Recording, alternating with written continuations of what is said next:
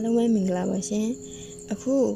ဆရာလင်္ကာရီကျော်ရဲ့ခန်းကောအပိုင်း6စသိမ်းပိုင်းလေးကိုဆက်ပြီးတော့ဖတ်ပြပေးခြင်းလိုပါရှင်ခန်းကော3တနင်္ဂနွေနေ့အဲ့ရမှာနူးနူးချင်းညနာတည့်ရင်စင်ဝစီဆင်းလာတော့ကျော်စော6ယောက်ကတီးတီးတာတာပြန်ကောင်းနေပြီငကားကောင်းတောင်ဝဲကိုကိုင်းလာတော့လဲတိတ်မထောက်ဖြစ်တော့ဒီနေ့ပြန်ချင်းပြန်ဖြစ်ပြီဆိုတော့အသေးနဲ့လာတော့ကဝစ်ခဲ့သည့် ရှက်အင်းကြီးနဲ့ဘောင်းမီရှိကိုပင်ပြန်ဝစ်ထားသည်မနေ့ကရှော့ထားသဖြင့်မိဘူးမတိုက်ထားတော့လဲဝေးရတာတန်ပြန်၍စိတ်ကြည်လင်ပွဲရာရှိ၏မျက်နှာတည်တဲ့နေရာမှာညုံမောင်နဲ့ဆုံသဖြင့်ညကမပတ်စုပြောတာကိုပြန်ပြောပြလိုက်သည်ညုံမောင်ကခေါင်းငိမ့်သည်ရပြီလေကိုရင်ကျုပ်ဆရာတော်ဆုံးခတ်ပြန်လာတာစောင့်ပြီးဆုံးကပ်ပေးလိုက်အောင်မယ်ပြီးရင်ချောင်းပတ်သွားမယ်ကိုရင်ဒီကပဲစောင့်ပေါ့လောလောဆယ်တော့ဘိုက်ဆိုင်ရင်စားဖို့ဆရာတော်ကြက်တီကန်နဲ့ကငပြောသီးနဲ့ထ ရက်ထညက်ထုတ်ထားပေးတယ်ဒီနေ့ကမမရီရိုစာတင်တာနားတဲ့နေ့ဆိုတော့ဘယ်သူမှလာမှာမဟုတ်ဘူးကျော်စွာကောင်းငိမ့်ပြသည်အကိုဟိုတောင်ပေါ်ဖះခဏတော့ဘူးလာအောင်မဲပြန်လာခဲ့မယ်မကြပါဘူးညုံမောင်မျက်နှာမသိမသာပြတ်သွားသည်ဟာကိုရင်ရမသွားပါနဲ့ဘာဖြစ်လို့လဲဆရာတော်ကအခုပြန်လာတော့မှကိုရင်လည်းဆရာတော်နှုတ်ဆက်အောင်ပေါ့တောင်ပေါ်ဖះကနီးနီးလေးဆိုပေမဲ့အတက်ဆင်းနဲ့ကြာသွားမှဆိုလို့ ကျော်စွာဘဲဘဲလက်နဲ့နိုင်ကိုမြှောက်ပြသည်နိုင်ကတော့အလုံးလုံးဆဲတနင်္ဂနွေမနက်9နာရီကိုပြနေသည်အခုနိုင်ဝက်တိတိပဲကြာမယ်မမီရင်ပြန်လှည့်ဆင်းခဲ့မယ်စိတ်ပူမနေနဲ့ဒီကိုရင်နဲ့ခတ်တော့တာပဲစွပ်ပဲညူမောင်ညီးတွား၍ကြံခဲ့ပါသည်တောင်မော်ဖျားကိုတက်သည့်လမ်းကိုတွေးမှညူမောင်ဘာကြောင့်တားသည်ဆိုတာနည်းနည်းရိပ်မိသွားသည်လမ်းကမြေသားကိုလှေကားတစ်ထစ်ဖောက်ထားလှေကားတစ်ဖော်ထားတော့လဲ အတုံးမပြူတာကြာဟန်ဖြင့်ခြုံနယ်ပိတ်ပေါင်းများထူထပ်စွာပေါက်ရောက်လျက်ရှိသည်တချို့နေရာတွေတွင်လည်းလှေကားတွေ့တွေကကောနေသည်လက်ကင်စရာလည်းဘာမှမရှိကျော်စွာစိတ်ပြက်လက်ပြက်နှင့်ဇီဒီကလေးကိုမောကြည့်မိသည်မြင်တော့တိတ်မတိတ်မိဟန်မတူထရက်ပြူစားနေလုံးနောက်ခံမှာဇီဒီရိမ်မဲမဲကိုပင်လှမ်းမြင်နေရသည်။ကဲတက်လို့ရသလောက်တော့တက်ကြည့်တာပေါ့။ကျော်စွာလေကားတင်များအတိုင်းထိန်၍တက်သွားသည်။ တချို့နေရာတွေမှာခြုံရွယ်တွေထူလွန်းသဖြင့်ခွကြော်ရတာတွေရှိသလိုတချို့နေရာတွေမှာလေကားပြုတ်နေသဖြင့်လေးဘက်ထောက်တက်ရတာတွေလည်းရှိသည်။10မိနစ်လောက်ကြာအောင်တက်သွားတော့ရင်းကြီးတက်နေသည့်အုပ်ပစ္စည်းခင်းထားသောဖျားရင်မြင်တော်ပေါ်သို့ရောက်သွားသည်။ကြည့်စရာကတိတ်မရှိပါ။အုပ်ခင်းထားသောရင်မြင်တော်တိုင်အုပ်အုပ်တိုင်တိုင်ရှိနေသည်။အဲ့ဒါကတော့မပြူမလဲ။နေအောင်ကြောင့်သူမျက်လုံးကိုလက်နဲ့ကာပြီးမောကြည့်မိသည်။ အုပ်တိုင်ထိတ်မှာအယုတ်တယုတ်ရှိသည်။တောင်မှန်နှင့်နဝတ်ဒဇလိုမျိုးတွေနဲ့ဆိုတော့ကိန်းနီယာရုပ်ဖြစ်မည်ဟုခမန်းရသည်။ဒါဆိုဒါတကွန်းနိုင်ပေါ့။လေတိုက်ရကိုမျောပါနေသည့်အဝတ်နှင့်ပြုလုပ်ထားသောတကွန်းတိုင်တကွန်းတစ်ခုတိုင်ထိတ်ကနေတွဲလောင်းကျနေဖို့တော့လိုအပ်လိမ့်မည်။သို့တော့မတွေ့ရပျက်စီးသွားတာကြာလာပြီဖြစ်မည်။တောင်ကဖုန်ကြီးเจ้าကြီးကိုဘလောက်တခန်းတနာထိမ့်သိမ်းထားနိုင်ပါလျက်နဲ့ တောင်မော်ကစီဒီကိုဒီမြလစ်လျူထူတာလစ်လျူရှုထားသောဂတ်မော်ရွာသူရွာသားတွေကိုသူနားမလည်နိုင်အောင်ရှိမိသည်။ဟောဟိုမှာစင်းလူတော်တဆူကိုတွေ့တော့ဇီဒီခေါင်းလောင်းတော်ထဲတွင် အခန်းငယ်ဖြင့်ထဲသွင်းပူဇော်ထားတာတွေ့ရသည်မြေအုပ်စင်းတူတော်ပါပဲလက်ရကတော့ရှေးကြသည်ဟုဆိုလိုက်သည်ဗကန်ခေလက်ရမျိုးတော့မဟုတ်ကုန်းမောင်ခေဒီဘက်ပိုင်းကဒီဇိုင်းမျိုးဖြစ်သည်အဲ့ဒီအခန်းငယ်ရှိမှလဲချင်းသေးနှကောင်ကိုတွေ့ရသည် ချင်းသေးရုပ်တွေကတော်တော်ပျက်စီးယိုယွင်းနေပြီတကောင်တကောင်မဲခေါင်းပါတော့သည်ခေါင်းပါသည့်အကောင်ဤထူးခြားချက်ကတော့ဒီခေတ်လက်ရတွေနဲ့ရှင်ရင်ခေါင်းကသေးလွန်ပြီးကိုကကြီးနေခြင်းဖြစ်သည်လဲဆံမွေးကိုလည်းတိတ်ခန်းခန်းနာနာကနုတ်တွေနဲ့တစားဆင်ထားတာမျိုးမတွေ့ရပျက်စီးနေတာလည်းဖြစ်နိုင်သည်စင်တူတော်မှာတော့ညောင်မင်းတပင်တွဲတွဲကပ်၍ပေါက်နေသည်စင်တူတော်၏ညာဘက်တစ်ချမ်းလုံးကိုညောင်မြစ်တွေကဝါးမြူထားပြီးမျက်နှာတော်အထိပင်ဖြာထွက်နေသည် မျက်နှာတော်ကအပြုံးကတော့ကြည်လင်တန့်စင်နေစေကျော်စွာကင်ထားသောဖနက်ကိုဘေးချ၍စင်တူတော်နာအထိတိုး၍ကတ်ကြည့်သည်ခြုံငွယ်တွေကအဲ့ဒီရှိမှလည်းရှိနေကြ၍မနှဲလက်နဲ့ရှင်းပြီးအနာကပ်ရသည်အလိုစင်တူတော်အောက်ချီမှာကပီးစာသာရှိနေပါလားညောင်မြစ်တွင်တော့ဖုံးနေသည်အစဆုံးဖတ်၍မရတော့လဲတပိုင်းတစတော့ဖတ်၍ရနိုင်သည်ကြော်စွာခေါင်းငုံ၍စာကိုရသလောက်ဖတ်ကြည့်သည် မျက်လုံးများပြဝေသွားပါသည်ရင်မြင်တော်ပေါ်တွင်တင်ပါချထိုင်၍အမောဖြစ်နေမိသည်ကိုရင်ခုန်တန်ကိုလည်းကိုပြန်ကြားနေရသည်ဘလို့မှနားမလည်နိုင်သောပဟိနီပု္ပ္ပာပါလားအဲ့ဒီပု္ပ္ပာရဲ့ဖြေကိုသူသိကျင်လားမသိကျင်လားဝေခွဲ၍မရနိုင်လောက်အောင်ပင်ထိတ်လန့်ချောက်ချား၍လည်းနေပါ၏ကပီးစာသားကိုသူတစ်ချက်ပြန်ကြည့်သည်သိကြပါပြီဒီဖြေကိုသူသိရမှဖြစ်တော်မူ ဒီရွာကမပြန်ခင်ကိုသိရမှဖြစ်တော်မူသူ့ကိုဘသူပြောပြနိုင်မှာလဲညုံမောင်တော့မဖြစ်နိုင်ညုံမောင်ကဒီစီရီအတွက်ငယ်လွန်းနေသည်ဖိုးနီလည်းမဖြစ်နိုင်ဆရာတော်ကလည်းဒုက္ခမပေးသင့်ကာယကံရှင်ကလည်းသူမမေးရဲနောက်ဆုံးတော့မပန်းစုကိုသာစဉ်းစားမိသည်သူဘယ်ဘက်လက်ကလက်ပတ်နာရီကိုပြန်ကြည့်သည်ညုံမောင်ကိုသူပြောထားသည့်နိုင်ဝက်ပြေးတော်မူညုံမောင်မင်းလင်းဆရာတော်ကိုစွန့်ကပ်ပြီး၍ ချောင်းဘက်သွားတော်မူထင်သည်သူနေရာမှခုန်ထသည်ပြီးတော့တောင်ပေါ်ကလင်းမြန်စွာပြန်ဆင်းခဲ့လေသည်တောင်ပေါ်ကအစင်းမှာနှစ်ခါသုံးခါချော်လဲသဖြင့်တောင်စစ်ဒူးတို့တွင်ပွန်းရပက်ရများရလာသည်ကိုပင် အမှုမထားနိုင်ရွာဘက်ကိုခြေလန်းတွတ်တွတ်လျှောက်ခဲ့သည်ဝယုံတော်ကရိတ်ခနဲ့သူ့နောက်မှာကြံခဲ့သည်ရွာလန်းကျဲကြီးကသူ့ကိုစီးကျူနေသည်ကျိုးတို့ကျဲတဲ့အင်္ဂလိပ်တွေမှာထုံးစံတိုင်းလူရိပ်လူချေကင်းမဲ့နေသည် မပန်းစုတို့အိမ်ရှိသည်ဟုသူမှတ်မိသောနေရာကိုဦးတည်၍ခြေလန်းအမြန်လျှောက်လာသည်သူရှိတဲ့တဲ့ကရေလောင်းတန်တက်တဲ့ကိုကြားရသည်ကိုကိုပင်ရေတပင်ကိုကြော်လိုက်တော့ရေရင်းတတွင်းကိုလှမ်းတွေ့ရသည်ဒီရေရင်းကတော့ဒီခေတ်ရေရင်းတွေနဲ့ခက်ဆင်စင်မှာပဲခါလောက်မြင့်သည်အုပ်ပေါင်တင်ထားသည့်အဝိုင်းပုံစံဖြစ်သည်အပေါ်မှာမအူးတဖွဲတစ်သားပေါင်လည်းတင်ထားသည်စက်သေးတော့မရှိ ရေပုံးကျိုးဟုထင်ရသောကျိုးတွေက တစ်သားပေါင်မှာခြိထားသည်ဒီအတိုင်းရေဖြည့်၍အပေါ်ကဆွဲတင်ကြဟန်တူသည်ရေလောင်းတန်ကြားထားရတော့လဲလူကိုမတွေ့ရသဖြင့်သူတွေ့ဝေပြီးကြည်နေစဉ်ရေရင်းပေါင်ဤတစ်ဖက်မှာထမိန်ရင်ရှားနှင့်တပတ်ကောင်းပေါင်းပေါင်းထားသောမိမပြုတ်တူထိုင်ရကထရက်လိုက်သည်ထိုင်ရမှထရက်လိုက်သည်ကိုတွေ့ရသည်ဖယားမိမပြုတ်ကိုကြောဘက်ကသာမြင်ရတော့လဲရေဆက်ရေပေါက်ကလေးများခိုတီးနေသည့်မျိုးစိန်သောအသားရည်က ပြေပြလှပလွန်နေသည်ကြောတဝက်စာမြင်ရတာမြင်ရတာနဲ့မင်းမုဒုလက္ခဏာဇက်ထဲကရသေးကြီးလိုဇန်ရှောမှကြောက်ရလောက်သည်ရေဆို၍ကတ်နေသောလုံကြီးကလည်းလှပသည့်ကိုလုံးကိုပေါက်ကိုတိသာလွန်စေတိသာလွန်စေနေသည်သူမျက်နှာလွှဲဖို့ကြံစီလိုက်စင်မှာပင်မိမပြူကသူ့ဘက်ကိုလှည့်လာသဖြင့်သူပါဇက်ဟောင်းသားဖြစ်သွားသည်ဟင်မပန်းစုဟာမောင်ကြီးမပန်းစုကအရှက်သေးစွာဖြင့် ရင်းညွန့်နှစ်ဖက်ကိုလက်ဖွားနှစ်ဖက်နှင့်တိုင်းရှက်၍ခေါင်းငုံသည်သူလည်းအထစ်ထစ်နဲ့ပြန်ပြောမိလေရာပြောသည်။အိုဟိုဟိုကလေမပန်းစုကိုလာရှာတာ။အဲဇေဇေဒီเจ้าလေးမေးချင်လို့မပန်းစုကမျက်နှာကလေးหนี၍ခေါင်းကိုတွင်တွင်ခါသည်။မောင်ကြီးမျက်နှာအရင်လွှဲအောင်လေ။ဟာဟုတ်တာပဲ sorry နော်။ထမင်းရင်ရှာရေဆူနေသောအနေထားမှာဒီဘက်ခင်မော်ဒယ်မိန်းကလေးတချို့ကျွညာအရိုက်ခံပြီးအနေထား ဖြစ်ကောင်းဖြစ်နိုင်တော့လဲဂန်းကောင်ရွာသူတအုပ်အတွက်တော့ယောက်ျားကလေးတဦးရှိမှရှိနေလို့မရသည့်အနေထားဖြစ်ကြောင်းသူတတိလစ်ခက်လေသည်အားလုံးအာနာနဲ့မပန်းစုကိုကြောခိုင်းလိုက်ရုံသာမကရှီလန်းအနေငယ်ပါရေတွင်းတွင်ဝေးရသို့လှမ်းခဲ့မိသည်ခဏနေမှနောက်ကမပန်းစု၏ကြီးလင်သောပုံမှန်အတန်ကလေးထွက်လာသည်ရပြီမောင်မီရပြီမောင်ကြီးလဲ့တော့ပြန်လှည့်ကြည့်တော့အဝတ်စားအပြည့်စုံနဲ့မပန်းစုကိုတွေ့ရသည် ငယ်တိတ်မှာပါသပင်ကိုပတ်ခွေထုံထားပြီးလေဘင်းနှစ်ဖက်မှာစံရင်စားကလေးတွေကျနေသည်ပင်နီလိုအသားမျိုးလက်ရှိရင်စိအင်ကြီးကခါတိုင်းလောက်မပွားပဲကိုပေါ်မှာတက်တက်ရရရှိနေပြီးယောက်ျားကလေးလုံကြီးလိုကွက်စိတ်ကလေးတွေပါသည့်လုံကြီးကွက်စိတ်ကလေးတွေပါသည့်လုံကြီးကိုတင်းတင်းနဲ့တက်တက်ရရဝတ်ထားသည်မျက်နှာမှာတော့ရှက်ပြုံးကမပြေတတ်သေး sorry နော်မပန်းစုကျွန်တော်ကတိကျင်စိမ့်နဲ့မှုန်ထူသွားမိလို့ပါ ရပါပြီမောင်ကြီးရဲ့ဒီကြောင်မပြောနဲ့တော့လေစိတ်ထဲမှာဘလောင်ဆူနေရသည့်ကြားတွေကမပန်းဆူရှက်စနိုးမူရဖြစ်နေတာကလေးကဘလောက်ချစ်ဖို့ကောင်းကြောင်းတတိထားမိဖြစ်အောင်ထားမိလိုက်သေးသည်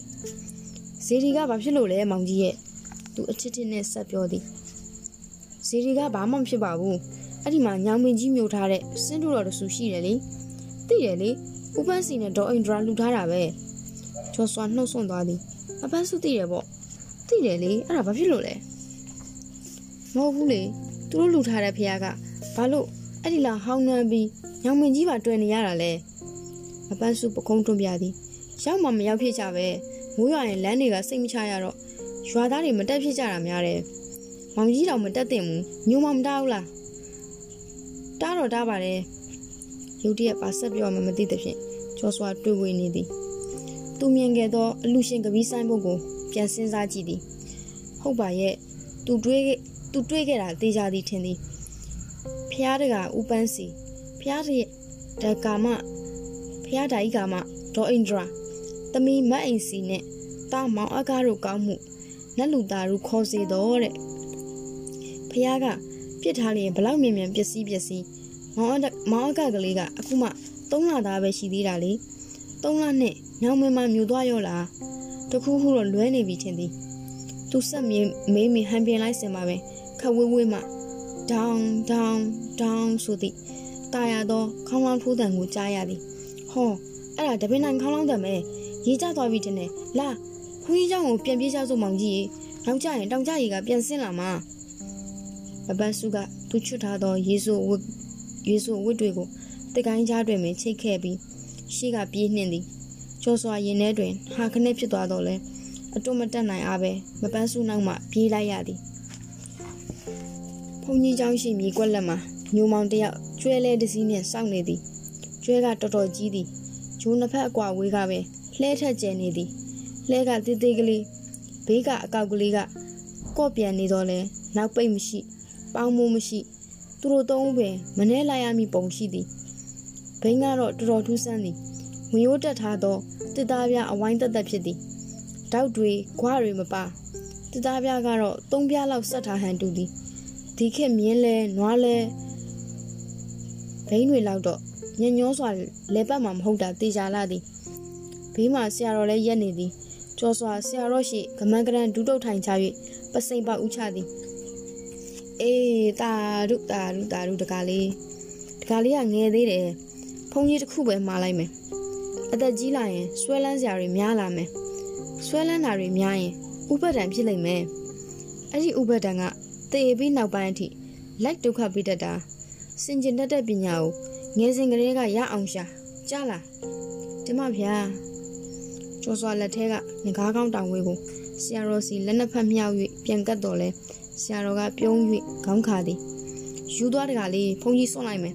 တတလုံးဘုန်းကြီးအခုပြောတဲ့ဆုံးမစကားကိုအမှတ်ရနေအောင်လို့ပါကဲကိုရင်တက်တက်ချောင်းဆက်ကိုအပြေးနေရမှာမမကြီးကရောလိုက်မှာလားညုံမောင်ကလောသည်မပန်းစုကခေါင်းငိမ့်ပြ၍လဲနောက်လဲနောက်မိမှတင်ပလွဲတက်ထိုင်လိုက်ပြီးကျော်စွာကိုလက်ကမ်းပေးသည်နူးညံ့သောလက်ဖွားကလေးအတွေ့မှာမှင်တက်သွားလိုက်သေးသည်မှင်တက်သွားသည်ဆိုတာက မင်းကလေးတယောက်၏လက်ကိုယောက်ျားကလေးတယောက်ကကင်မိခြင်းအတွက်ဖြစ်ပေါ်လာသောဖုထဘအာယုံထက်ဝါကွန်းဆိုင်တစ်ခုကိုစုပ်ကင်မိသလိုပေါ်ပါလစ်ဟာလွန်သောပေါ်ပါလစ်ဟာလွန်သည့်ခံစားချက်မျိုးကြောင့်ဖြစ်သည်ဘာပဲဖြစ်ဖြစ်လေမိမလာကလေးတယောက်၏လက်ဖြစ်နေတာကတော့အမှန်အခုပဲဘုန်းကြီးဆုံးမထားသည်စိတ်ကတော့ခတ်နေပါပြီကျော်စွာလဲပေါ်ရောက်လာသည်ညောင်မောင်လဲဦးကနေခုန်တက်ပြီးကျွဲကိုကျိန်တို့သည် လဲကစထွက်လာသည်15 15မိနစ်လောက်ပဲစီးရသည့်ခရီးတို့အတွင်းမှာမပန်းစုမျက်နှာကလေးကိုကျော်စွာဘနဲ့ကြိမ်မှမမမိနိုင်လောက်ခဏခဏကိုကြည့်မိသည်အုပ်လုံးမမိသောစံရင်စားတို့တွဲလောင်းခွေကြနေသည့်နတ်ထင်းနှစ်ဖက်၏အောက်တွင်ညိုဝင်း၍ဖောင်းမှုသောပါးကလေးတွေရှိသည်ရေချိုးပြီးပြီးချင်းလိုက်လာရတာဖြစ်၍နနခါမရှိချွေးဦးလေးတစ်ပေါက်နှစ်ပေါက်ပင်ရှိသည်အဲ့ဒီရှေဖျားမှာတော့ ပေါ်လွင်သည်ဟုပြောရခတ်တော်လဲတရက်စွာလှပသည့်နှာတန်ရှိသည်အဲ့ဒီအထက်ကမြဝန်းကလေးတွေမှာမြစ်တာရီပြေဝနေသည်အဝေးတနေရာသို့တိတ်ဆိတ်စွာငေးမောကြည့်နေသည်မြဝန်းကလေးတွေမှာမျက်ရည်လဲနေသည်ကိုကြောစွာမျက်ရည်လဲနေသည်ဟုကြောစွာထင်သည်ရှီလျားသောရှီလျားသောမြက်တောင်တို့မှာပင်လျင်မျက်ရည်စားလို့တွဲခုန်နေသည်တကယ်ပဲမသွားစေချင်တာလားမပန်းစုရဲ့ နှစ်ရက်သာတွေးဆုံခင်မရသူတဦးအနေနဲ့အဲ့ဒါလောက်တော့လည်းမမျော်လင့်ရဲပါသို့တော့သူ့ရင်မှာလဲကျိုးတစတော့တင်းနေတာအမှန်အဲ့ဒီကျိုးစားကလည်းမပန်းစုတယောက်တည်းကိုတင်းနေတာထက်ခန်းကောင်တရားလုံးကိုတင်းနေတာဖြစ်ကောင်းဖြစ်နိုင်ပြီလူတွေနဲ့တိတ်ရင်းနှီးလှသေးတာမဟုတ်တော့လဲသူတို့၏နေပုံထိုင်ပုံရိုးရာကိုတော့ရိမ့်မိနေပြီအေးချမ်းလိုက်တာအဲ့ဒီအေဂျင့်နာကလေးကိုလွမ်းနေတာဖြစ်သည် မပန်းစုကိုလည်းလွမ်းတော့လွမ်းတာပေါ့အခါခွင့်သိရင်တော့ရောက်အောင်ပြန်လာ၍မပန်းစုနဲ့စကားတွေတဝါကြီးထပ်ပြောအောင်မီဟုစိတ်ထဲကကြိတ်ရတေးမိသည်ရောက်ပြီပြို့ရေမရှိဘူးအတော်ပဲကိုရင်စင်းစင်းလူမောင်ကကျွဲလဲဥပိုင်းကနေခုံစင်းသည်ကျော်စွာကနောင်မီမှခုံစင်း၍မပန်းစုကိုလက်လက်ကမ်းပေးသည်မပန်းစုကသူ့လက်ကိုစုပ်ကန်ကအာပြူ၍စင်းသည်ဟုတ်ပါရဲ့ဝါကွန်းစာကိုကန်ရတယ်လို့ပဲ လက်ထဲမှာဘာမှမခံစားရလောက်အောင်ပေါ်ပါလွန်းသည်သူတို့သုံးယောက်ရှိမှတော့မျက်စိတသုံးမျက်စိတစုံကျဲပြန်းသည့်နှုံးပြင်ကြီးရှိနေသည်နှုံးပြင်ဆိုတော့လဲတစ်ပင်ကြီးများထူထပ်စွာပေါက်နေကြပြီးတချို့နေရာတွေလည်းရေဆက်ဆက်အကွက်တွေကိုတွေ့ရသည်လှေတစည်းလဲစိုက်ထားသည်လှေကတစ်ထွင်းလှေလိုပုံစံမျိုးဖြစ်ပြီးကနုတ်တွေပန်းပုံတွေထွင်းထူထားတာမျိုးမရှိလူ9ယောက်လောက်သာစီးနိုင်သည့်လေမျိုးဖြစ်ပြီး လှော်တဲ့တစ်ချောင်းတင်ထားတာလည်းတွေ့ရသည်လှေကိုနှုံးမြန်အစတွင်အစတွင်ရက်ထား၍အနည်းဆုံးတစ်ပင်ကြီးတစ်ပင်မှာကျိုးနှင့်ချီထားသည်ဒီနှုံးပြင်းနဲ့တော့ဒီလေကဘာမှအသုံးတက်စရာမရှိရေပြည့်ရင်သုံးတာပဲဖြစ်ရမည်ခက်ဝေးဝေးတွင်ကျိုးကျနေသောဝါဒရအပြက်ကလေးတစ်ခုကိုလည်းလှမ်းတွေ့နေရသည်ကဲကိုရင်ဒီနှုံးပြင်ကိုဖျက်လျှောက်ရမှာလောလောဆယ်တော့ခြေသလုံးတစ်ဝက်လောက်ပဲရှိမယ်နှုံးဆိုပေမဲ့ရေဝနေတော့ ပြော့ပြော့ပါပဲကြောက်တွေကြောက်တွေနစ်မဲ့နေရာတွေလည်းမရှိမရှိသလောက်ပဲတစ်ပင်ကြီးတွေကိုကပ်ပြီးကင်သာသွားမမားနိုင်ဘူး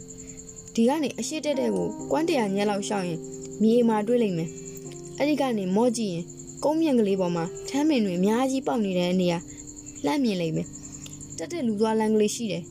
လိုက်ရှာကြည့်တွေ့ရင်ပတ်တက်သွားကိုရင်လာခဲ့တဲ့လမ်းမကိုပြန်ရောက်လိမ့်မယ်နှုံးပင်ဖြတ်တော့မှပဲတတိထားတကယ်လို့ အော်တန်ညီးတန်လိုအတန်ကြီးကြရင်လှည့်မကြည့်နဲ့နောက်ကျောင်းမပြန်နဲ့ရှစ်တက်တဲ့ကိုခြေကုန်းသာနှင်းကျော်စွာကျော်ရဲကစိတ်တက်သွားသည်အဲ့ဒါဘာတန်လဲပပန်းစုကမျက်နှာကလေးညှိုးငယ်စွာနဲ့ဝင်ပြောသည်တောင်ကြရည်စီးတဲ့အတန်မှာသူကရုတ်တရက်ဝုန်းဆူရောက်လာတတ်တယ်ပြေးလို့မလွတ်ရင်လည်းမကြောက်နဲ့အနည်းဆုံးတစ်ပင်ကိုဖတ်ထားတက်လို့ရရင်တက်ထားပြန်ကြတာလည်းမြန်ပါတယ်။ အော်ဒီလိုကိုဟုတွေးမိသည်။စောစွာညိုမောင်ကြီးအင်ကြီးမပါတော့ပခုံးကိုဖတ်လိုက်သည်။ကဲညိုမောင်ညီလေးကျေးဇူးထူးပဲကွာ။ဖိုးနီတို့ဦးတိုင်မောင်တို့ဦးပန်းစီတို့ကိုလည်းအကိုနှုတ်ဆက်သွားတယ်ပြောပေးနော်။ဟုတ်။ကျော်စွာမပန်းစုမျက်နှာကိုလှမ်းကြည့်သည်။သိကြပါပြီ။မြစ်တာရီဝနေသောညဝန်းကလေးတွေကမျက်ရည်စာတို့နဲ့လင်းလက်တောက်ပနေပါသည်။သူကြည့်လိုက်မှခေါင်းကလေးကိုမတိမတာငုံလိုက်ပါသည်။မပန်းစု ရှင်းမောင်ကြီးအတန်ကလေးကမတိမတာတုံရည်နေသည်ကျွန်တော်တောင်းမယ်နော်ဒါပေမဲ့မပန်းစုနဲ့ထပ်တွေ့အောင်မယ်ကျွန်တော်ရအောင်ကြိုးစားမယ်သိလားမပန်းစုကမောကြီး၍မဲပြုံးကလေးပြုံးပြသည်ထပ်တွေ့တဲ့အခါကျရင်သာမှတ်မိပါစေမောင်ကြီးရဲ့ကျော်စွာဘာပြန်ပြောရမှန်းမသိ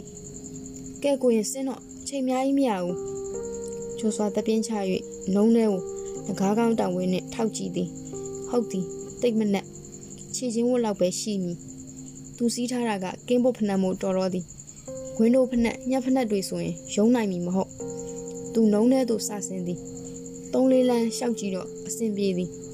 နှုံးကရေနှင်းရောနေ၍တိတ်မယုံရနောက်ပြန်လှည့်ကြည့်တော့နှုံးဆက်မှာမပန်းစုနှင့်ညူမောင်ရက်နေတာကိုတွေ့ရသည်မပန်းစုကလက်ဝေရန်ပြ၍နှုတ်ဆက်သည်သူတစ်ပင်များနဲ့ကလျက်ဆက်လျှောက်လာသည်ခြေလမ်း20လောက်ထက်လန်းပြီးတော့ နောက်ပြန်လှည့်ကြည့်မိသည်ကုန်းပေါ်မှာဘသူမှမရှိတော့ပါနှုံးထဲမှာရှောင်ရင်းရှောင်ရင်းနဲ့နှလုံးခုန်တန်းကတိတာစွာကျဲလာသည်ထင်တယ်လို့မလွယ်ပါလားရှောက်လာတာကနိုင်ဝက်လောက်သာရှိသေးတော့လေလုံးကိုရုန်းကန်၍ရှောက်လာရတာဆိုတော့တာမန်မြေပြင်ပေါ်ရှောက်ရတာထက်အများကြီးပိုပင်ပန်းနေသည်ဒါတောင်နေရောင်ကထူထဲစွာပေါက်နေသောတစ်ပင်ကြီး၏တကိုင်းများကြားကိုများများမထိုးဖောက်နိုင်ပေလို့ ညိုမောင်တရီပေးထားသည့်အော်ကြီးတန်ကြီးကိုလည်းမကြားလိုက်မှဆိုး၍တစ်ဖက်ကနားဆွင့်ရသည်ငွေမျောလို့ရှိပါကလည်းပြေးနှင့်အောင်ငကားကောင်းဒုက္ခကိုကိုရှိကကြိုးကြိုးထောက်ရသေးသည်နွန်ထဲသို့မဝင်ရမကျွန်းဝင်မကျွန်းဝင်တာစိတ်ချရအောင်တစ်ပင်ကြီးများကိုကတ်၍လဲရှောက်ရသေးသည်တကူလုံးချွေးသည့်ချွေးပေါက်များရေချိုးထားသလိုရွှဲနှင့်နေပြီးနောက်နှလုံးကုန်တန်က နားနှစ်ဖက်၏အဝတိုင်အောင်တတိုင်းတိုင်းမီလာမီလာနေပြီတော်တော်ကြာပြီးနောက်တွင်တော့သူ၆တွေ့သောကုန်းမြေကိုရောက်သွားသည်ညိုမောင်းမှသလိုအဲ့ဒီကမောကြည့်လိုက်တော့သူ့နေရာထက်လေးတိုက်တက်တတိုင်းစာမြင့်သည့်ကုန်းမြင့်နေရာကိုလှမ်းမြင်ရသည်ထမ်းမင်တွေလည်းထူထဲစွာပေါက်နေကြသည်ဟုတ်ပြီဒါလမ်းမအဆင်မဖြစ်ရမည်နှုံးပင်အေးမ၆သွေးသည့်အေးမြ၆သွေးသည့်နေရာတွင်ခဏလှဲချ၍အပန်းဖြေမီစိတ်ကူးစင်တွင်ပင် အတော်လန်းလန်းအဝေးတနေရာက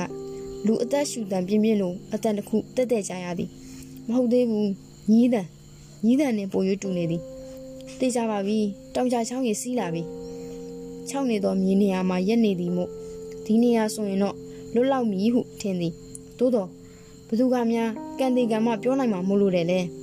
ရှေ့ကိုလှမ်းကြည့်သည်ဘေးဝဲရာကိုအကဲခတ်သည်ညာဘက်မှာကုန်းမျက်စီကိုတက်သွားသော စင်ကြီးရှောလူသွားလမ်းကလေးကိုတွေ့ရသည်ဟုတ်ပြီညူမောင်ပြောတဲ့အတိုင်းပဲသူငကားကောင်းဒုက္ခကိုကန်၍လမ်းကလေးရှိရသို့အာသွန်ပြေးသည်ရောက်တာနဲ့မနာတော့ပဲလမ်းကအပြေးတက်သည်နှလုံးခုန်တန်ကတထုံထုံပို၍ကျဲလောင်လာသည်အောက်ကညီးတန်လိုလိုတော်လဲတန်လိုလိုကလည်းပိုကျဲလောင်လာသလိုခံစားရသည်သူနောက်ပြန်လှည့်မကြည့်နောက်ပြန်လှည့်မကြည့်နိုင်ပြေး၍တက်သည်ရင်ဘတ်တစ်ခုလုံးက ဖားဖို့ကြီးလိုဆက်ငင်ဆက်ငင်ရှိုက်နေသည်မျက်လုံးတွေကပြဝေစပြုလာသည် ပြေးတက်ရင်ပြေးတက်ရင်ကအောက်ကအတန်ကြီးတိုးလာတဲ့အောင်ထင်မိသည်ရေမကြတော့တာလားတဖြည်းဖြည်းကိုကမြင့်သွား၍မကြတော့တာလားမသိကုန်းမြင့်ဤထိတ်ကိုရောက်၍ရက်လိုက်ချိန်တွင်တော့ရှေ့ကမြင်ကွင်းတွေအားလုံးမျက်စိရှိမှဖျားပွဲကမြင်းရုပ်တွေတက်ထားသည့်စုံလယ်ကြီးလိုတရိပ်ရိပ်ပတ်ပြေးနေသည်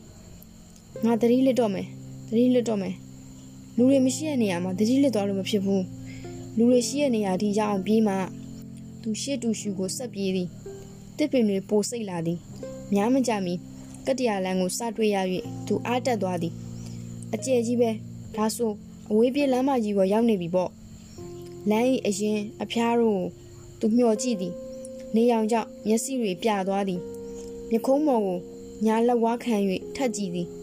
သူ့ညာဘက်မှမြင်လိုက်ရသည့်မြင်ကွင်းကြောင့် သူပါဇက်အဟောင်းသားဖြစ်သွားသည်ဘေးထိုင်လဲနေသောဝေးပြေးကားကြီးတစ်စီးသူလဲကျသတိလစ်သွားပါသည်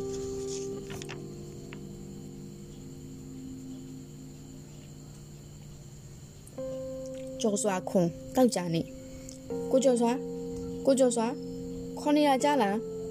ကိုကျော်စွာခမရကိုကျော်စွာနော်သူပခုံးတစ်ဖက်ကိုညင်ညင်သာသာလှုပ်ငိုးနေသည့်အထီးတွဲနဲ့လူသုံးလေးယောက် သူ့နာမည်ကိုဝိုင်းခေါ်နေသည့်စကားတန်တို့ကြောင့်သူအသိပြန်လဲလာသည်မျက်စိကိုဖွဖွဖြည်းဖြည်းဖွင့်ကြည့်တော့ပလက်အိတ်နေသောသူ့မျက်နှာပေါ်တက်တက်ကကောင်းကင်မှာဆူးရှသောအလင်းရောင်နှင့်နေလုံးကြီးရှိနေသည်သူမျက်စိပြန်ပိတ်သည်ပြီးမှညာဘက်လက်ဝါးနှင့်ကာ၍မျက်စိကိုဖြည်းဖြည်းပြန်ဖွင့်သည်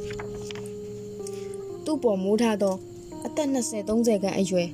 လူရွယ်3-4ယောက်ကိုနေရောင်နောက်ခံနှင့်မဲမဲကြီးမြင်ရသည် တည်တည်ချာချာအားစိုက်ကြည့်တော့မှနှစ်ယောက်ကကြက်ချင်နီဝတ်စုံဝတ်ထားတာသတိထားမိသည်ကိုကျော်စွာသတိရပြီလားခမရနာမည်ကိုကျော်စွာအဲဒါတော့ကျော်စွာနော်ကြက်ချင်နီဝတ်စုံဝတ်မထားသည့်အသက်30ကျော်အရွယ်လူရွယ်ကစာရွက်တစ်ရွက်ကိုငုံကြည့်လိုက်သူ့မျက်နှာကိုကြည့်လိုက်လုံရင်မေးသည်သူခေါင်းငိမ့်ပြသည်တော်သေးတာပေါ့ဗျာကျွန်တော်တို့ကခီးတဲ့အစင်းတိုင်းလူတွေလိုက်ရှာနေကြတာခီးတဲ့တယောက်ကတော့ကားဘေးတိုက်လဲနေတော့အသက်20ကျော်လောက် ယောက်ျားကလေးတယောက်မှန်ကိုရိုက်ခွဲပြီးထွက်သွားတာတွေ့တယ်လို့ပြောတာခမရပဲဖြစ်ရမယ်လို့မှန်းထားတာကျွန်တော်ထိုင်ခြင်းနဲ့တူတူတူကလေးပြောတော့ချက်ချင်းဒီကလေးနှစ်ယောက်ကသူ့ကိုပခုံးမှပွေ့မိဟန်ပြင်းသည်စောစောကလူရွယ်ကလန့်တာသည်ညီလေးစက်တွေဘာတွေခိုင်းမိထားသေးလားရမ်းမထားနဲ့နော်အကိုကနေပြီးတော့စေးရုံကလက်ထောက်ဆရာအောင်မဒီနှစ်ယောက်ကနေပြီးတော့ကြက်ချင်ဒီအဖွဲကသူပြုံး၍ခေါင်းခါပြသည် ဆရာဝန်ကခေါင်းညှိပြတော့ကြက်ချင်ဒီကလေးနှစ်ဦးသူ့ကိုပွေ့ထူ၍ထိုင်ရက်အနေထားလှုပ်ပေးသည်သူဘေးတိုင်လဲနေသောကားကြီးဘက်သို့လှမ်းကြည့်မိသည်ကားကြီးဘေးမှာမိသက်ကားတစ်စီးလူနာတင်ရင်နှစ်စီးနဲ့တခြားရင်သုံးလေးစီးဆိုင်ကယ်တော်တော်များများတွေ့ရသည်လူတွေလည်းအများသာနေပါအောင်ဒီကားကမှောက်တာနှစ်ရက်ရှိပြီလေထူတောင်ကန်းကော်ရွာမှာနှစ်ညအိတ်ခဲ့ပြီးပြီ ကဲဆယ်ရေးတွေကခုထက်ထိဘာလို့အလုရှုံနေကြတာတော့လူစင်းမှာဒေါက်တာလို့ပေးထားတယ်ညီလေးလူစင်းမှာဒေါက်တာလို့ပေးထားတယ်ညီလေးရဲ့ဆရာဝန်လားလုတ်တင်ဆရာဝန်မကိုအေးအေးကောင်းတယ်ဒဏ်ရာတွေပါတွေဘယ်နှရထားသေးလဲနားတဲ့နေရာရှိလားသူကောင်းခါပြသည်မနေ့ကလောက်ထိတော့ညဘက်ချေချင်းကရောင်းနေတယ်ကိုအခုလမ်းကောင်းကောင်းရှောက်နိုင်တာတော့တရက်လောက်ရှိပါပြီဆရာဝန်နဲ့ကြက်ချီနီလူငယ်ကလေးများ အံ့ဩဟန်နဲ့တယောက်မျက်နှာတယောက်ကြည့်ကြသည်ဆရာဝန်ကသပြင်းချ၍သူကောင်းကိုလက်ဖွားနဲ့ပုတ်သက်ဆန်းကြည့်သည်ဘာလဲကိုကွန်ကားရှင်းဖြစ်မယ်ကြီးခေါင်းကိုများထိသွားသေးလားလို့ဒဏ်ရာတော့လည်းမတွေ့ပါဘူးမထိပါဘူးကိုရဲ့ကျွန်တော်6ဝက်ထိခဲ့တာပါဒီမှာကြက်တောင်စီးထားသေးတယ်သူခြေထောက်ကိုလည်းညှိုးထိုးပြတော့အလုံးသူ့ခြေထောက်ကိုလှမ်းကြည့်သည်ခြေထောက်မှာအဝတ်စမရှိတော့ နှုံးထဲမှာကြံခဲ့ဟန်တူသည်နှုံးစားတွေလည်းပေးမနေဆရာကတပြင်းချသည်အကိုတို့ဒီကနေလူနာတွေနေပြီးတော့ဆေးရုံကိုပို့ဖို့ရှိတယ်ညီလေးလဲလိုက်ခဲ့လမ်းလျှောက်နိုင်ရင်တော့အကိုစီးလာတဲ့အန်ဆာတုံးကားနဲ့လိုက်လို့ရတယ်လူနာတင်ရင်ကတော်တော်ထိထားတဲ့လူနာတွေဦးစားပေးတဲ့နေရလို့ကျော်စွာမျက်မှောင်ကျုံသည်နေပြီးတော့ဆေးရုံကကျွန်တော်သွားမဲ့နေရပါပဲအကိုအဲ့ဒီကတငယ်ချင်းအိမ်မှာဒီညတဲမလို့ဆေးရုံတော့တက်ဖို့မလိုပါဘူးကျွန်တော်ကောင်းပါတယ် ခြေတော်လဲမနေ့ကလေးကကောင်းသွားပါပြီဆရာဝန်ကဖြင်းချင်းစွာကောင်းခါသည်ညီလေးခေါင်းတော်ထိထားတဲ့တင်နဲ့ဒီညတော့ဆေးရုံမှာစောင့်ကြည့်မှဖြစ်မှာဘာဖြစ်လို့လဲအကိုညီလေးကမနေ့ကစပြီးခြေထောက်တက်တာသွားပြီးပြောနေတာကို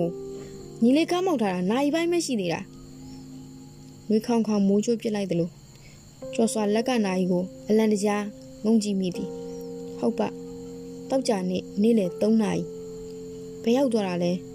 ကန်းကော်ရွာမှာသူရှိနေခဲ့သည့်နှစ်ရက်လုံးလုံးသူ့ဘွားတွေကပျောက်ဆုံးနေပါပေါ့လား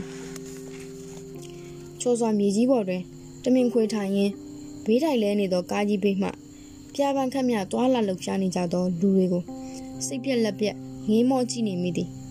လက်ထောက်ဆရာဝန်အကိုကတော့ဒဏ်ရာရလူနာများကိုကားပေါ်တင်တာတွေကိုလိုက်ကြည့်ပေးနေသည်ချက်ချင်းဒီလူငယ်ကလေးတဦးကဆရာဝန်နဲ့အတူလိုက်ပါသွားပြီးတဦးကသူ့ဘေးမှာအဖော်လုံး၍ထိုင်နေသည် ခေါင်းမုံခိုင်းမိတာလေလားနှစ်နာရီလောက်သတိလစ်သွားတာလေလားသတိလစ်နေတော့မှအိမ်မက်မက်တလို့မရင်ပြင်မှာတကယ်မရှိသည့်ဂန်းငေါ်ဆိုသည့်ရွာကို ရောက်ခဲ့တာလေလားနှစ်နာရီသတိလစ်ချိန်မှာ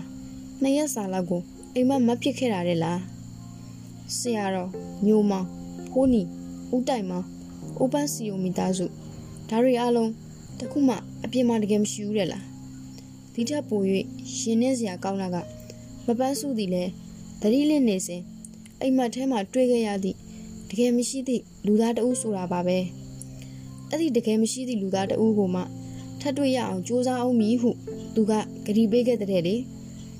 ဘလောက်များယူမိုက်မိပါသလဲဒီထက်ပို၍ယူမိုက်မိသည့်ကိစ္စကတော့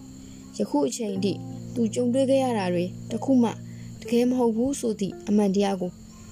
ရှင်ထဲကလက်ခံမှုခက်နေတာပါပဲစောစောကဒီနားကရွာသားတူကဒီနားမှာဘယ်ကကြောက်မှမရှိ တောင်ကြချောင်းလည်းမရှိရွာလည်းမရှိ ပတ်တက်စရာလမ်းလည်းမရှိဟုအတီးပြုပြောပြပြောပြသွားပြီးတာတောင်မှ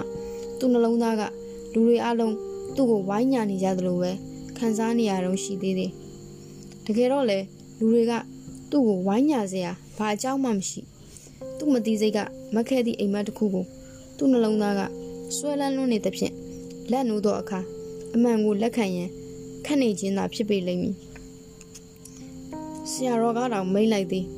ဆွဲလန်းလွန်းရင်ဥပဒံဖြစ်တတ်တယ်တဲ့အိုးတော့ပါတကယ်တော့ဆရာတော်လည်းမရှိအိမ်မက်တဲကအရေးတစ်ခုမျှတာပါပဲအသေးပြောက်အသေးပြောက်ရှိလာညီလေးချက်ချင်းလူငယ်ကလေးကိုမေးလှည့်မေးတော့လူငယ်ကလေးကခေါင်းခါပြသည် လူစင်းကိုတိုက်ရှာကြတော့နောက်ဆုံးမှတွေ့တာအကိုပဲရှေ့ကလူတွေလည်းဒဏ်ရာပြင်းတာတွေတော့ရှိတယ်အသေးပြောက်တော့မရှိပါဘူးကျော်စွာတပြင်းချသည်အကိုဘေးကဦးစင်းရောဘလို့နေလဲရှေ့ရှိနေဆရာဝန်ကလေးကမျက်မှောင်ကျုံ၍ဆရာဝန်ချထားသော ထိုင်ကုန်နှင့်လူစင်းကိုပြန်ကောက်ကြည့်သည်တကားလုံးဘုန်းကြီးတစ်ပါးမှမပါပါဘူးကိုကျွန်တော်တို့တစ်ပါးမှမတွေ့ခဲ့ဘူး ပါပါတယ်ကွာအခုဘေးမှာလာထိုင်လာတာချက်ချင်းဒီကလေးကစာရွက်ကိုမြောက်ပြသည်ဒီထိုင်ကုန်စရာတိုင်းဆိုအခုဘေးရနေရကနေရလွတ်ပဲ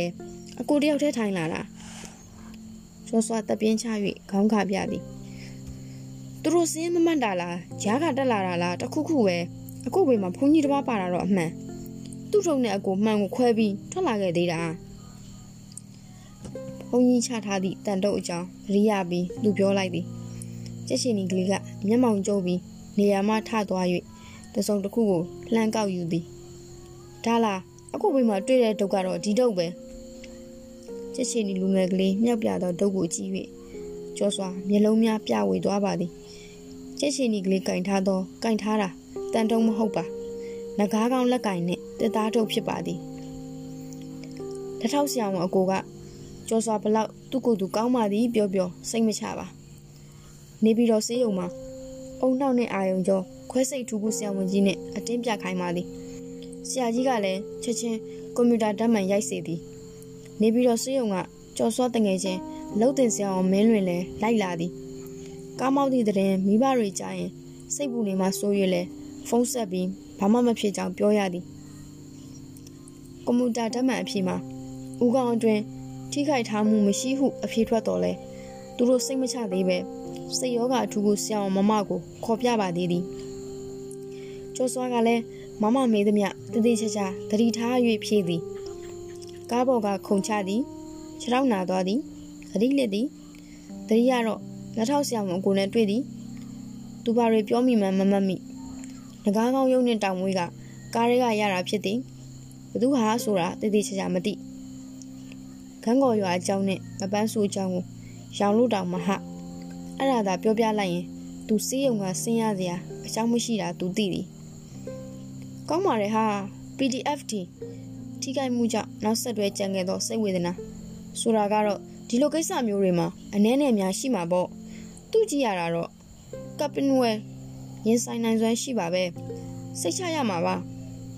စိတ်ယောဂထူးခုဆရာမမကပါဝင်ထောက်ခံတော့မှနောက်ဆုံးသူ့ကိုမင်းလွင်နေသောစေယုံထဲကအဆောင်မှာ လိုက်အိတ်ခွင်ပြုတော့သည်အဆောင်ရောက်တာနဲ့မင်းလွင်ကမိကုများဒရက်ဆက်မေးမြန်းသည်ကျော်စွာပကြီးဆရာမကလေးကန်းကွန်နဲ့ပတ်သက်တာတွေတော့အမှန်တိုင်းပြောပြလိုက်ပြီးဂန်းကော်ရောင်နဲ့ပတ်သက်တာတွေတော့ထိန်ဝက်ထားလိုက်သည်မင်းလွင်ကသူ့ငကားကောင်းတောင်ဝေးကိုစိတ်ဝင်စားစွာလှည့်ပတ်ကြည့်သည်ပိုင်ရှင်ပေါ်ရင်တော့ပြန်ပေးလိုက်အောင်ကွရှေးလက်ရပဲတော်တော်တန်မိုးကြီးမှာအောင်းဖို့ကောင်းတာက ကားမှန်ကိုမင်းဓာတ်နဲ့ရိုက်ခွဲခဲ့တယ်ဆိုတာပဲကျော်စွာဘာမှပြန်မပြော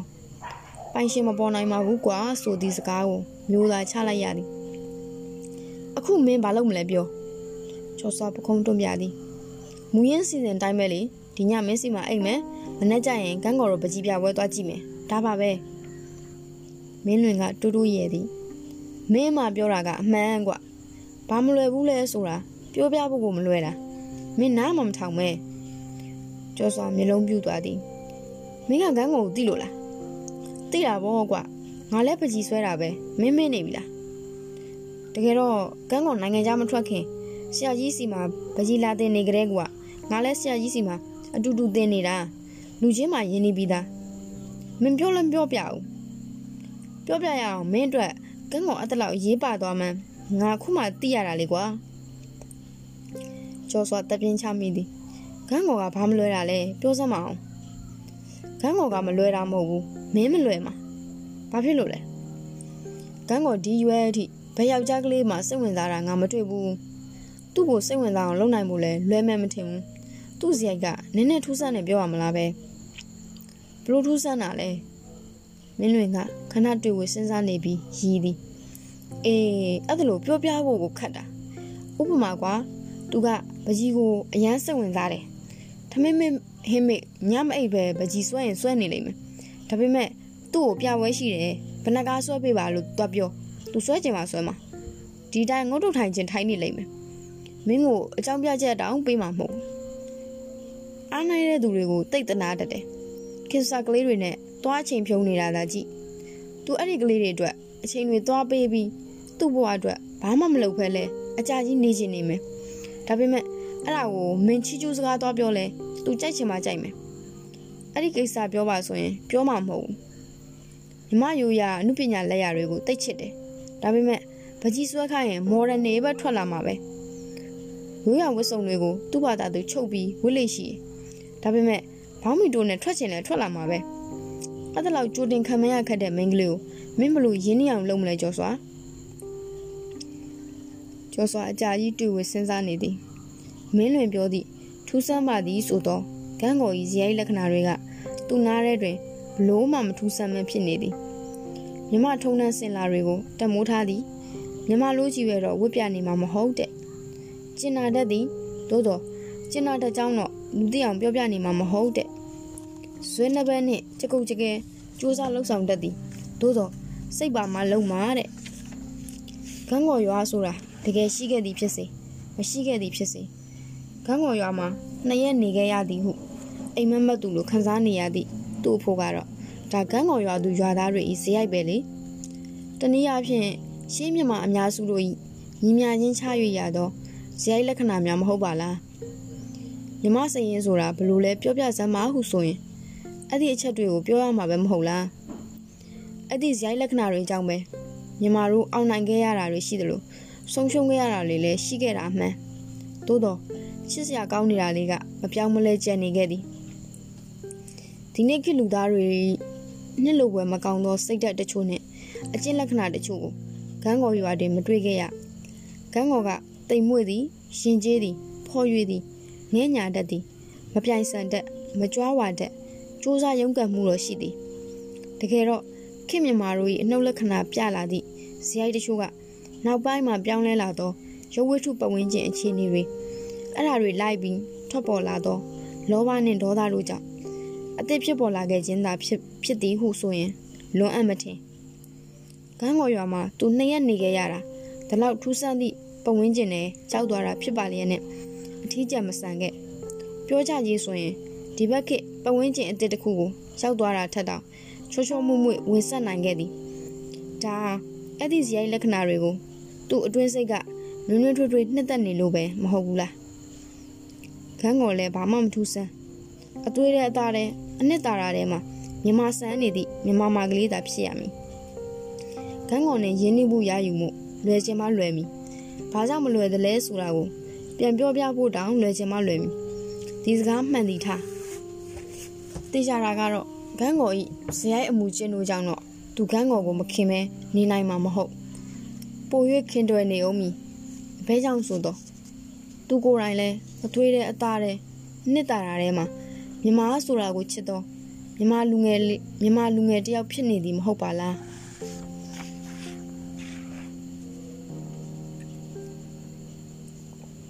ကျော်စွာရှစ်စနေနေ့ကျော်စွာအိယာထသည်မင်းလွင်စီစဉ်ပေးထားသောတပတ်စက်ပြသွားတိုက်စီတပုတ်တန်တို့နှင့်မျက်နှာသစ်သွားတိုက်၍ရေချိုးသည် မင်းလွင်ညကလေးကပေးထားသော stick stick collar ရှိန်ကြီးအဖြူနှင့်ရောလုံးကြီးအညိုကလေးကိုဝစ်စင်သည်ညက်ဖက်နှက်ပင်မင်းလွင်ဖက်နှက်ကိုယူစီရမည်ယခုတော့ခဏနေအောင်အဆောင်အေကန်းထဲရှိဖျားစင်မှာဖျားရှိခိုးသည်ဖျားစင်ဖျားစင်ဘေးနေရန်မှာထောင်ထားသောငကားကောင်းတောင်ဝေးကိုလှမ်းမြင်သည်သူတပြင်းချမိသည်ဂန်းကော်ရွာနှင့်မပန်းစုတို့သည်သူတတိလက်သွားစဉ်နိုင်ပိုင်းအတွင်းအိမ်မက်လိုမြင်မက်ခဲ့သော အာယုံတစ်ခုမျှသာဟုဆိုရင်ဆရာတော်ဆွန့်လိုက်သောဒီတောင်ဝေးကသူနဲ့ဘာကြောင့်ပါလာရတယ်လဲဆိုသည့်ပု္ပ္ပာကိုသူအပြေမရှာတတ်သေးဆရာတော်ကလည်းမှားသည်အစွဲလမ်းမလွန်စေနဲ့တဲ့ဆရာတော်ဘာကြောင့်အဲ့ဒီလိုမှားသည်ကိုသူမသိသိကြတာကတော့သူယခုစွဲလမ်းမှုတစ်ခု၏နောက်ကိုလိုက်ရမည်နောက်မဆုတ်ချင်တော့ငကားကောင်းတောင်ဝေးကိုဖျားစင်မှာမိထောင်သည်ပြီးတော့ဆိုင်ကယ်ကယ်ရီငားရန်စေးရုံ စေးရုံရှိဘက်သို့လမ်းလျှောက်ထွက်ခဲ့လေသည်အဆုံးပကြီးကားတွေရှိမှပြပန်းခက်မြတွာလာကြည့်ရှုနေကြသောလူအုပ်ကြီးကိုငေးကြည့်ရင်မင်္ဂလေးနွမ်းလျသလိုခန်းစားနေရသည်ရုပ်မြင်တန်ကြအစီအစဉ်တစ်ခုအွန်လိုင်းရုပ်သံသတင်းဌာနတစ်ခုနဲ့ဂျာနယ်၄ခုအတွက်သူအင်တာဗျူးများဖြည့်ပြီးသွားတာလဲပါမီထင်သည်နောက်ဆုံးမိမပြုတ်တူကတော့မမလည်းပကြီးနားမလဲတော့ ဘာမေးရမှမသိဘူးညီမရဲ့ဒီပြပွဲနဲ့ပတ်သက်လို့ညီမဖြေချင်တာတွေကိုချရေးထားပေးပါလားညနေကျမှမမလာယူမယ်အဖြေတွေကိုပဲကြည့်ပြီးမိကုန်းစီထဲလိုက်မယ်ဟုပြောတာကိုပင်ပြုံး၍သာခေါင်းငိမ့်ပြလိုက်မိသည်သူ့ပကြီးကားတွေကတော့ထုံးစံတိုင်းပွဲဆက်ဆခြင်းမှာပဲအလုံးနီးနီးရောင်းထွက်သွားသဖြင့်လာကြည့်နေသောပရိသတ်ကကြည်သာကြည်နေရသည်ဝဲတဲ့ဝဲစရာမကြံတော့သည်ကိုလည်းသူအားတုံအားနာဖြစ်နေသည် ဂျာမန်မင်းသမီးဝယ်သားသောပကြီးကားတွေနှင့်ပတ်သက်၍ပွဲမစခင်ကတည်းကရောင်းလိုက်သည်ကိုနှမျောစကားဆိုသည့်ပရိသတ်တွေရှိသလိုရှေးဟောင်းဝတ်စုံနှင့်ဂန်းကောင်ပွင့်တွေရှေ့မှရက်နေသည့်သူ့ပုံသူကိုအတင်းလိုက်ဝယ်သူတွေလည်းမရှားဒါကရောင်းရံမဟုတ်ပါရှင်လက်ဆောင်ပေးဖို့ရှိလို့လားဒါမှမဟုတ်ညီမလေးပုံဖြစ်နေလို့မယောင်းချင်တာလားမျိုးသမီးတဦးကဆက်စုသည်သူကရေ၍ဖြေရခတ်ပါတယ်မမရဲ့ဟုပြောရလဲ လက်ခံရှာသည်ထိုမျိုးသမီးပြောသလိုပင်အပြိုရွယ်တဦးနေနဲ့မိမိပုံသူကိုတခြားသူ၏အိမ်မှာချိတ်ဆွဲထားမှကိုရှက်ရွံ့စိတ်ကအခြေခံအကြောင်းတစ်ခုဖြစ်တော်လဲသူယခုလိုနွမ်းလျမူးဝေနေရအောင်မကြခဏနှောက်ယှက်တတ်သည့်အိမ်မဆန်းဆန်းတစ်ခုနှင့်ပတ်သက်နေသောစိတ်ကူးဖြစ်၍တမိုးထားမိသည်ကလည်းပါလေသည်ဒါကိုတွားရှင်းပြရင်တော့ပကြီးဆရာမစိတ်မနှံ့မှုထင်တယ်စိတ်မနှံ့မှုထင်တယ်ဟုကောက်ချက်ချက တခြားကားတွေပါမဝယ်ရဲနေရင်တော့သူလှူမီစိတ်ကူးထားသောပညာရေးဌာနထိခိုက်ရကြီးရဲ့မနေ့ကလည်းသူခဏဆိုပြီးနေ့လက်တရေအိတ်လိုက်တာမောင်ဝင်းငယ်ကလေးပကြီးကားကိုလာယူမှနိုးလေသည်ပြီးတော့မောင်ဝင်းခွဲကလေးနဲ့ပကြီးကားကိုထည့်ပေးလိုက်ပြီးပြကန်းပြင်ဆင်တာတွေလိုက်မကြည့်နိုင်ပဲဆက်အိတ်တာနောက်ဆုံးမေမေတို့ပြင်ဆင်ပြီးညနေဆောင်ပြန်လာနိုးမှပဲနိုးတော့သည်အဲ့ဒါနဲ့ပြကန်းအစင်မပြေမှာဆိုး၍ ဒီမနက်စောစောလာကြည့်တော့ပွဲတာဝန်ခံပြင်စီသူတဲ့ပွဲတာဝန်ခံပြင်ဆင်သူသူ့ပကြီးကားတွေကအကောင်းဆုံးနေရာတွေအကုန်ရထားပြီးတခြားပကြီးဆရာမတချို့၏ပကြီးကားတွေကြောင်ကြလွန်းနေတာတွေ့ရ၍သူလဲခိုင်းသေးသည်မိသမားကပကြီးကားအရွယ်စားလိုက်မိစင်ရတာမို့ပြင်၍မရတော့ဘူးဟုပြောပြီးတခြားပကြီးဆရာမများကလည်းကိစ္စမရှိပါဘူးဒီတိုင်းထားလိုက်ပါဟုဝိုင်းပြောမှလက်လျှော့ခဲ့ရခြင်းဖြစ်သည်ယခုတော့မောပြီ ပကြီးကားများပတ်လည်ဝိုင်းနေသည့်အလဲကောင်မှချထားသောအဲကန်စတီလိုကျင်းကလထိုင်ကလေးတွေဝိုင်းထားသည့်ထဲကတလုံးမှထိုင်၍ကိုကာကိုလာဒပလင်ပိုက်နှင့်စုပ်တောက်ရင်းသာပရိသတ်ကိုငေးကြည့်နေမိတော့သည်အဲ့ဒီအချိန်မှတွင်ပရိသတ်ထဲမှာသူမမျော်လင့်ထားသောမျက်နှာတစ်ခုကိုတွေးလိုက်ရလေသည်မင်းကလေးရှိကိုကုန်း၍တည်တည်ချာချာထက်ကြည့်မိသည်တေးကြပါပြီသူပါပဲရန်ကုန်ကလူကနေပြီးတော့ပကြီးပြပွဲကို ဘလို့လို့ရောက်နေရတာလဲလာမယ်လဲပြောမထားပဲနဲ့မင်းကလေးနေရာမှာထား၍သူရောင်းရံမဟုတ်ပကြီးကားကြီးကိုယခုမှမြင်ဘူးသူတယောက်လိုစိတ်ဝင်စားစိုက်ကြည့်နေသူနာတို့ချင်းကပ်သွားသည်မင်းကလေးချင်းကပ်လာတာမြင်တော့သူလှည့်ကြည့်၍ပြုံးပြသည်ခုကျော်စွာပကြီးပြပွဲလာတာလားလိုက်ကြည့်လေသူ့စကားကဘာမှသည်မသိကိုကျော်စွာမျက်နာတိတိတတ်တာအိုကျသွားသည် အပြုံးတို့လွင့်ပြေပြောက်ဆုံးသွားသည်မင်းကလေးလည်းဘာဆက်ပြောရမည်မသိ၍ရောင်အားအားနဲ့နောက်ပြန်လှည့်၍စတီဘက်သို့ရှောက်လာခဲ့သည်သူဒီရောက်နေလို့ပကြီးပြပွဲဝင်လာတာမဟုတ်ဘူးလားငါပြောတာဘာမှလို့လဲမှားတော့မမှားပါဘူးလေမင်းကလေးတစ်ချက်နောက်ပြန်လှည့်ကြည့်မိသည်ကိုကျော်စွာကစောစောကနေရာမှာကြောက်ရွံ့ကြီးတရုပ်လိုရက်ပြီးသူ့ကိုကြည့်နေစေမင်းကလေးစိတ်ကူးတစ်ခုရသွားသည်လှမ်းလက်ဆခြေနှမ်းတို့ကို နောက်ပြန်လှည့်၍သူ့စီတစ်ခေါက်ပြန်လျှောက်သွားသည်ကျမဟိုလေကစတီမှာရှိမှသိလားကိုကျော်စွာပကြီးတွေကြည့်လို့ပြီးရင်ကျမကိုလာခေါ်ပါနော်အေးရဲတွေပြက်ပြီးတအားပင်ပန်းထားတော့တခုခုအပြင်ထွက်ပြီးစားကျင်တယ်ကိုကျော်စွာအဖော်လုပ်ပေးပါလားကျမကြွေးပါမယ်ပကြီးကားတွေရောင်းရတာလဲအောင်မွက်ခံရင်ပေါ့ကိုကျော်စွာမျက်နှာတိတိတတာပြန်ဝင်းပါလာသည်အပြုံးတို့လင်းလက်လာသည်လိုက်မှာပေါ်ကန်ကောအခုသွားမလား ကိုကျော်စွာပကြီးတွေစောင်းအောင်ကြည့်အောင်လေအော်ဟုတ်ကဲ့မင်းကလေးကပြုံး၍စတီဘက်သို့ပြန်လျှောက်လာသည်ပကြီးပြကန်းကလေအေးဆက်တက်ဆင်ထားခြင်းမရှိတော့လဲနွေရာသီကတဲမပူလာသလိုခန်းစားမိနေသည်မြစ်တာဖြင့်လင်္ကာကြီးကျော်ည9:32 18ရက်4လ2019 1389ခုနှစ်မြန်မာနှစ်ဆန်းတရက်နေ့ ပြီးပါပြီရှင်ကျေးဇူးတင်ပါတယ်ရှင်